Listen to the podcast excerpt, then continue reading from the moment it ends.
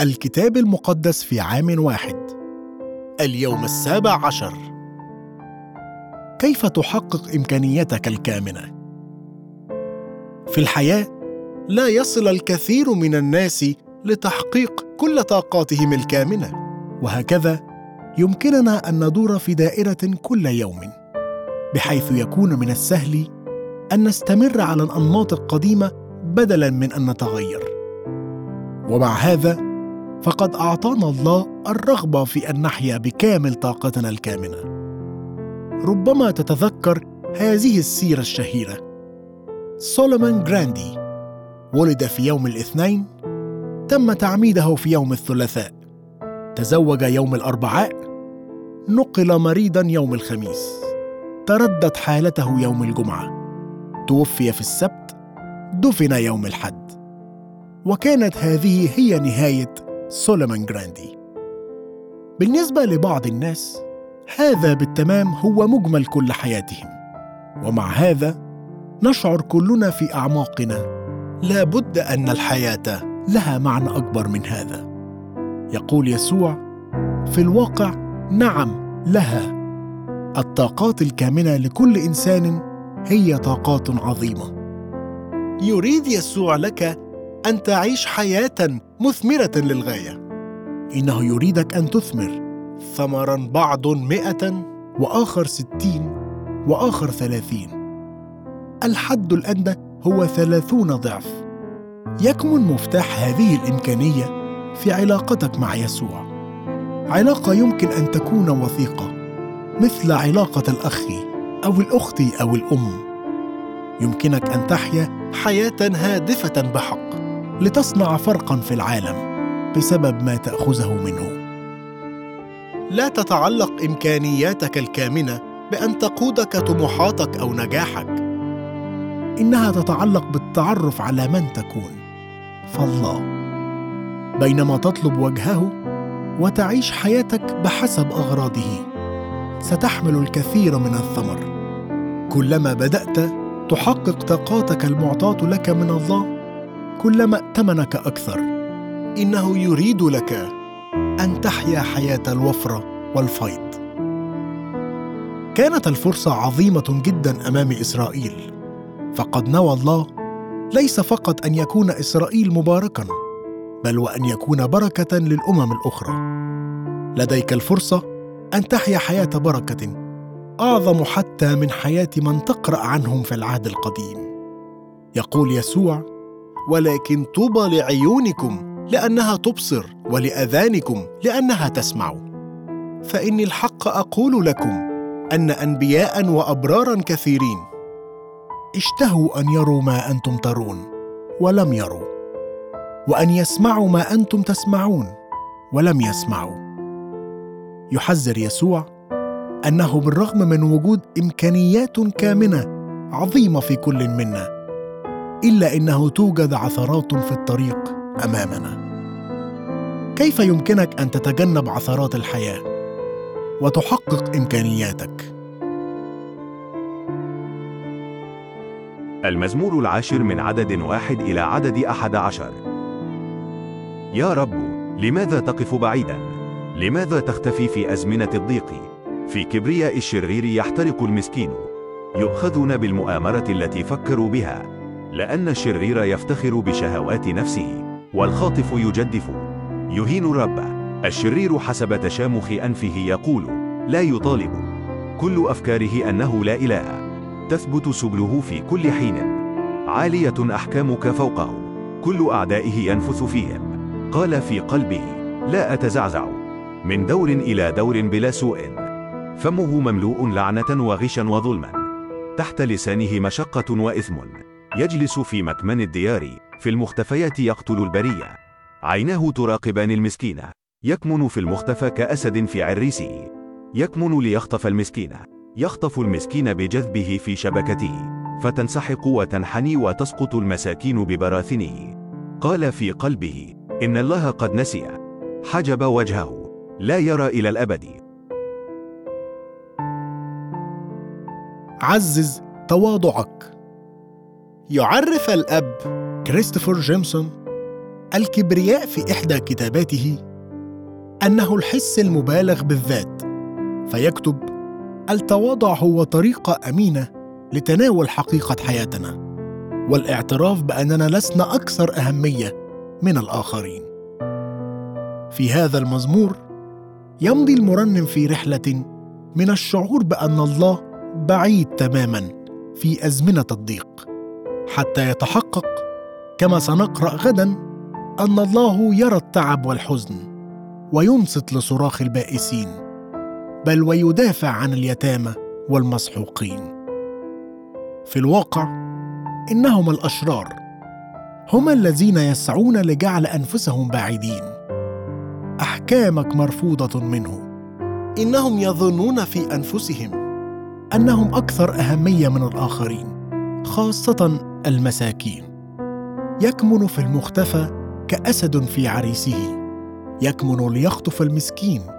يخطف المسكين بجذبه في شبكته. فتنسحق وتنحني وتسقط المساكين ببراثنه. تخبرنا هذه الآيات عن عثرة الكبرياء. عندما تسير الأمور بصورة حسنة نجرب أن نقول لا أتزعزع. من دور إلى دور بلا سوء. يمكن أن نجرب بأن نشعر بأننا لا نحتاج الله. الشرير حسب تشامخ أنفه يقول لا يطالب. كل أفكاره أنه لا إله. من السهل أن نصبح متغطرسين ومنتفخين. يحذرنا هذا المزمور من أن نفعل هذا ويذكرنا بحاجتنا إلى الله. احفظني يا رب. من الكبرياء والغطرسة وتقدير الذات لكي أطلبك من كل قلبي متذكرا أنني أحتاجك وأنك لا تنساني ابدا. متى الأصحاح الثاني عشر من عدد ستة وأربعون إلى عدد خمسون؟ وفيما هو يكلم الجموع إذا أمه وإخوته قد وقفوا خارجا طالبين أن يكلموه. فقال له واحد هو ذا أمك وإخوتك واقفون خارجا طالبين أن يكلموك فأجاب وقال للقائل له من هي أمي ومن هم إخوتي ثم مد يده نحو تلاميذه وقال ها أمي وإخوتي لأن من يصنع مشيئة أبي الذي في السماوات هو أخي وأختي وأمي. متى الأصحاح الثالث عشر من عدد واحد إلى عدد سبعة عشر. في ذلك اليوم خرج يسوع من البيت وجلس عند البحر، فاجتمع إليه جموع كثيرة، حتى إنه دخل السفينة وجلس. والجمع كله وقف على الشاطئ، فكلمهم كثيرا بأمثال قائلا: هو ذا الزارع قد خرج ليزرع. وفيما هو يزرع سقط بعض على الطريق فجاءت الطيور وأكلته. وسقط آخر على الأماكن المحجرة حيث لم تكن له تربة كثيرة. فنبت حالا إذ لم يكن له عمق أرض. ولكن لما أشرقت الشمس احترق وإذ لم يكن له أصل جف وسقط آخر على الشوك فطلع الشوك وخنقه. وسقط آخر على الأرض الجيدة فأعطى ثمرا. بعض مئة وآخر ستين وآخر ثلاثين. من له أذنان للسمع؟ فليسمع. فتقدم التلاميذ وقالوا له لماذا تكلمهم بأمثال؟ فأجاب وقال لهم لأنه قد أعطي لكم أن تعرفوا أسرار ملكوت السماوات وأما لأولئك فلم يعطى فإن من له سيعطى ويزاد وأما من ليس له فالذي عنده سيؤخذ منه. من أجل هذا أكلمهم بأمثال لأنهم مبصرين لا يبصرون وسامعين لا يسمعون ولا يفهمون. فقد تمت فيهم نبوة إشعياء القائلة تسمعون سمعا ولا تفهمون ومبصرين تبصرون ولا تنظرون. لأن قلب هذا الشعب قد غلظ وآذانهم قد ثقل سماعها وغمضوا عيونهم لئلا يبصروا بعيونهم ويسمعوا بآذانهم ويفهموا بقلوبهم ويرجع فأشفيهم. ولكن طوبى لعيونكم لأنها تبصر ولآذانكم لأنها تسمع. فإني الحق أقول لكم إن أنبياء وأبرارا كثيرين اشتهوا أن يروا ما أنتم ترون ولم يروا وأن يسمعوا ما أنتم تسمعون ولم يسمعوا. تابع العلاقة الوثيقة. حرفت بعض البدع الخطيرة كلمات يسوع لتعلم أنه لكي تصبح مسيحيا يعني قطع جميع العلاقات مع عائلتك. وهذا ليس خطيرا فحسب ولكنه غير كتابي أيضا. الوصية الخامسة هي أكرم أباك وأمك. يقول لنا العهد الجديد أنه وإن كان أحد لا يعتني بخاصته ولا سيما أهل بيته فقد أنكر الإيمان وهو شر من غير المؤمن. لكن يبدو هنا أنه يوجد أيضا شيء أكثر أهمية من علاقتك مع عائلتك. دعوتك العليا هي أن تكون لك علاقة وثيقة مع يسوع. إذ بهذا تفعل مشيئة الآب. يقول يسوع لأن من يصنع مشيئة أبي الذي في السماوات هو أخي وأختي وأمي. تتكلم كلماته عن العلاقة اللصيقة والثبات والقبول علاقة في أعمق مستوى ممكن. يمكنك أن تكون على هذا المستوى اللصيق مع يسوع.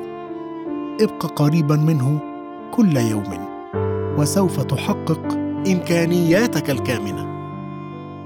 عمق جذورك. تعد فترات الارتفاع في الخبرات الروحية امرا شديد الأهمية ولكن ما لم تكن مقترنة بجذور روحية عميقة فسيكون هناك خطر وجود الضحالة والسطحية والذي يمكن أن يؤدي إلى السقوط بعيدا. كن حذرا من هذه العثرة. يمكننا جميعا أن نسقط بعيدا في قلوبنا. حتى بينما نقوم بالأمور الصحيحة. يتكلم يسوع عن البذور التي تقع على الأرض المحجرة. فالنبتة الصغيرة تظهر بسرعة ولكنها تذبل لأنه ليس لها جذور. بعدها يفسر أن الشخص الذي ليس لديه جذور يبقى فقط لوقت قصير لأنه يسقط بعيدا عندما يأتي الإضطهاد أو المتاعب. جذورك الروحية هي أجزاء حياتك التي لا يراها شخص آخر. حياتك السرية مع الله وهذا يشمل صلواتك عطائك حياتك الفكرية. إن كنت تريد أن تحقق إمكانياتك الكامنة تأكد من أنك تنمي جذورا عميقة وقوية جدا وصحية في علاقتك مع الله. احمي قلبك. من السهل على الناس أن يتشتتوا بمشغوليات الحياة. يمكن أن تملأ أمور كثيرة حياتك حتى تطرد وتضغط على وقت الله والكنيسة والطرق الأخرى التي يمكن بها تنمية جذورك الروحية. مرة أخرى هذا خطر بالنسبة لنا كلنا. حذر يسوع من الأشواك التي تخنق النبات. وفيما بعد يفسر أن الأشواك هي هموم هذه الحياة وغرور الغنى. أشكرك أيها الآب لأنك تدعوني إلى هذه العلاقة الحميمة مع يسوع. ساعدني حتى أضع جذوري عميقا وأن أبقي عيني مثبتة عليك. ساعدني حتى أرعى هذه العلاقة وألا أسمح ابدا لأي أمور أخرى حتى الأمور الجيدة أن تزدحم وتخنق حياتي. التكوين الأصحاح الرابع والثلاثون. وخرجت دينة ابنة ليئة التي ولدتها ليعقوب لتنظر بنات الأرض.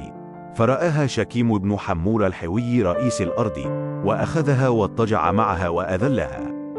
وتعلقت نفسه بدينة ابنة يعقوب وأحب الفتاة ولطف الفتاة. فكلم شكيم حمور أباه قائلا خذ لي هذه الصبية زوجة. وسمع يعقوب أنه نجس دينة ابنته. وأما بنوه فكانوا مع مواشيه في الحقل فسكت يعقوب حتى جاءوا. فخرج حمور أبو شكيم إلى يعقوب ليتكلم معه. وأتى بنو يعقوب من الحقل حين سمعوا. وغضب الرجال واغتاظوا جدا لأنه صنع قباحة في إسرائيل بمضاجعة ابنة يعقوب وهكذا لا يصنع. وتكلم حمور معهما قائلا شكيم ابني قد تعلقت نفسه بابنتكم. أعطوه إياها زوجة وصاهرون. تعطوننا بناتكم وتأخذون لكم بناتنا وتسكنون معنا وتكون الأرض قدامكم. اسكنوا واتجروا فيها وتملكوا بها. ثم قال شكيم لأبيها ولإخوتها دعوني أجد نعمة في أعينكم. فالذي تقولون لي أعطي. كثروا علي جدا مهرا وعطية فأعطي كما تقولون لي. وأعطوني الفتاة زوجة. فأجاب بنو يعقوب شكيم وحمور أباه بمكر وتكلموا لأنه كان قد نجس دينة أختهم فقالوا لهما لا نستطيع أن نفعل هذا الأمر أن نعطي أختنا لرجل أغلف لأنه عار لنا. غير أننا بهذا نواتيكم إن صرتم مثلنا بختنكم كل ذكر. نعطيكم بناتنا ونأخذ لنا بناتكم ونسكن معكم ونصير شعبا واحدا. وإن لم تسمعوا لنا أن تختتنوا نأخذ ابنتنا ونمضي. فحسن كلامهم في عيني حمورة وفي عيني شكيم بن حمورة. ولم يتأخر الغلام أن يفعل الأمر لأنه كان مسرورا بابنة يعقوب. وكان أكرم جميع بيت أبيه. فأتى حمور وشكيم ابنه إلى باب مدينتهما وكلما أهل مدينتهما قائلين هؤلاء القوم مسالمون لنا. فليسكنوا في الأرض ويتجروا فيها. وهو ذا الأرض واسعة الطرفين أمامهم. نأخذ لنا بناتهم زوجات ونعطيهم بناتنا. غير أنه بهذا فقط يواتينا القوم على السكن معنا لنصير شعبا واحدا. بختننا كل ذكر كما هم مختونون. ألا تكون مواشيهم ومقتناهم وكل بهائمهم لنا. نواتيهم فقط فيسكنون معنا. فسمع لحمور وشكيم ابنه جميع الخارجين من باب المدينة. واختتن كل ذكر. كل الخارجين من باب المدينة.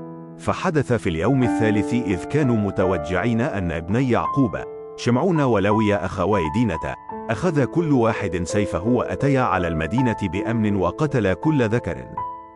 وقتل حمور وشكيم ابنه بحد السيف وأخذ دينة من بيت شكيم وخرجا ثم أتى بنو يعقوب على القتلى ونهبوا المدينة لأنهم نجسوا أختهم. غنمهم وبقرهم وحميرهم وكل ما في المدينة وما في الحقل أخذوه وسبوا ونهبوا كل ثروتهم وكل أطفالهم ونساءهم وكل ما في البيوت. فقال يعقوب لشمعون ولوي كدرتماني بتكريهكما إياي عند سكان الأرض الكنعانيين والفريزيين وأنا نفر قليل. فيجتمعون علي ويضربونني فأبيد أنا وبيتي. فقال أنظير زانية يفعل بأختنا. التكوين الأصحاح الخامس والثلاثون. ثم قال الله ليعقوب قم اصعد إلى بيت إيلا وأقم هناك واصنع هناك مذبحا لله الذي ظهر لك حين هربت من وجه عيسو أخيك. فقال يعقوب لبيته ولكل من كان معه اعزلوا الآلهة الغريبة التي بينكم وتطهروا وأبدلوا ثيابكم. ولنقم ونصعد إلى بيت إيلا فأصنع هناك مذبحا لله الذي استجاب لي في يوم ضيقتي. وكان معي في الطريق الذي ذهبت فيه. فأعطوا يعقوب كل الآلهة الغريبة التي في أيديهم والأقراط التي في آذانهم فطمرها يعقوب تحت البطمة التي عند شكيمة. ثم رحلوا وكان خوف الله على المدن التي حولهم فلم يسعوا وراء بني يعقوب. فأتى يعقوب إلى لوزة التي في أرض كنعان وهي بيت إيلا. هو وجميع القوم الذين معه. وبنى هناك مذبحا. ودعا المكان إيل بيت إيلا لأنه هناك ظهر له الله حين هرب من وجه أخيه. وماتت دبورة مرضعة رفقة ودفنت تحت بيت إيلا تحت البلوطة فدعا اسمها اللون باكوتا. وظهر الله ليعقوب أيضا حين جاء من فدان أرام وباركه. وقال له الله اسمك يعقوب. لا يدعى اسمك فيما بعد يعقوب بل يكون اسمك إسرائيل. فدعا اسمه إسرائيل. وقال له الله أنا الله القدير. أثمر وأكثر. أمة وجماعة أمم تكون منك وملوك سيخرجون من صلبك. والأرض التي أعطيت إبراهيم وإسحاق لك أعطيها ولنسلك من بعدك أعطي الأرض. ثم صعد الله عنه في المكان الذي فيه تكلم معه. فنصب يعقوب عمودا في المكان الذي فيه تكلم معه عمودا من حجر وسكب عليه سكيبا وصب عليه زيتا.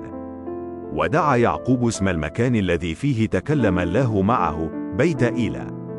ثم رحلوا من بيت إيلا. ولما كان مسافة من الأرض بعد حتى يأتوا إلى أفراتة ولدت راحيل وتعسرت ولادتها. وحدث حين تعسرت ولادتها أن القابلة قالت لها لا تخافي لأن هذا أيضا ابن لك. وكان عند خروج نفسها لأنها ماتت أنها دعت اسمه بن أوني. وأما أبوه فدعاه بنجامين فماتت راحيل ودفنت في طريق أفراتة التي هي بيت لحم. فنصب يعقوب عمودا على قبرها وهو عمود قبر راحيل إلى اليوم. ثم رحل إسرائيل ونصب خيمته وراء مجدل عدن وحدث إذ كان إسرائيل ساكنا في تلك الأرض أن رأوبين ذهب واضطجع مع بلهة سرية أبيه وسمع إسرائيل. وكان بنو يعقوب اثني عشر. بنو ليئة رأوبين بكر يعقوب وشمعون ولوي ويهوذا ويساكر وزبولون.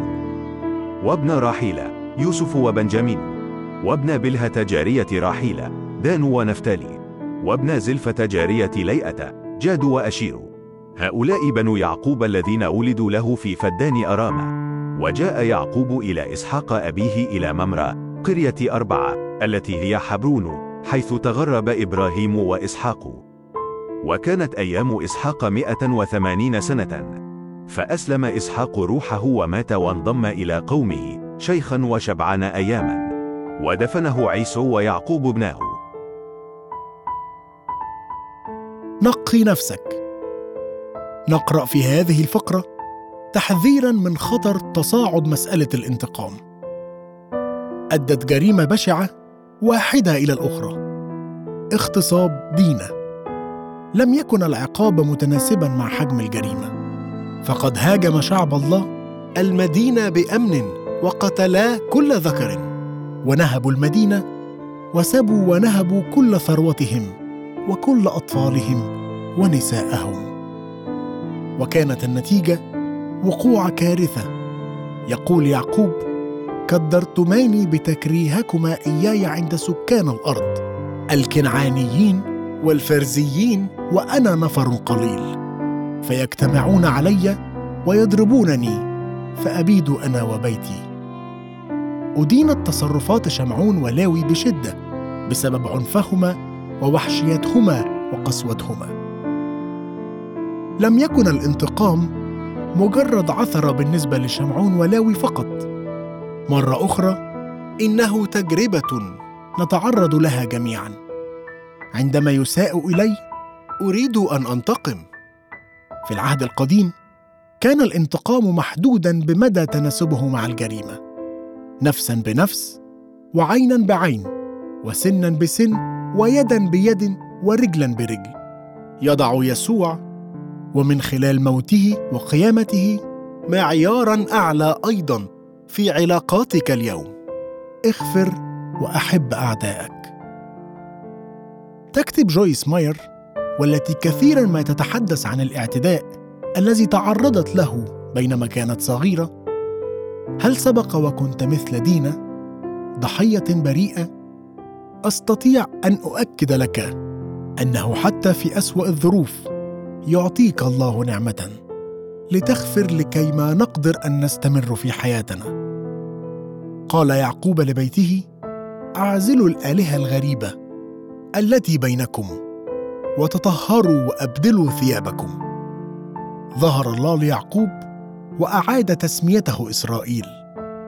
وقال أنا الله القدير أثمر وأكثر أمة وجماعة أمم تكون منك وملوك سيخرجون من صلبك. الإمكانيات الموجودة عظيمة وكما يقول ريك وارن في الخدمة الطهارة الخاصة الخفية هي مصدر القوة العلنية.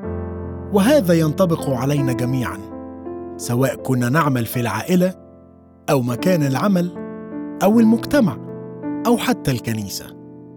إن أردنا أن يكون لنا تأثير قوي لأجل المسيح في العالم نحتاج أن نكون شعب الطهارة. أشكرك يا رب لأن الإمكانيات الكامنة لأجل حياتي متسعة جدا. أشكرك لأنك تريدني أن أحيا حياة مثمرة بشدة. حياة تصنع فرقا في العالم. ساعدني لكي أتجنب كل العثرات ولأحقق إمكانياتي الكامنة. لعلي أثمر محصولا ثلاثين أو ستين أو حتى مئة ضعف. لما بذرته في حياتي؟ لماذا تختفي في أزمنة الضيق؟ غالباً ما يبدو الله بعيداً وليس موجوداً عندما تحدث أشياء صعبة. يقول يعقوب: الله الذي استجاب لي في يوم ضيقتي وكان معي في الطريق الذي ذهبت فيه. رغم إننا نشعر أحيانا أنه ليس موجودا إلا إنه موجود لقد كان معنا أينما كنا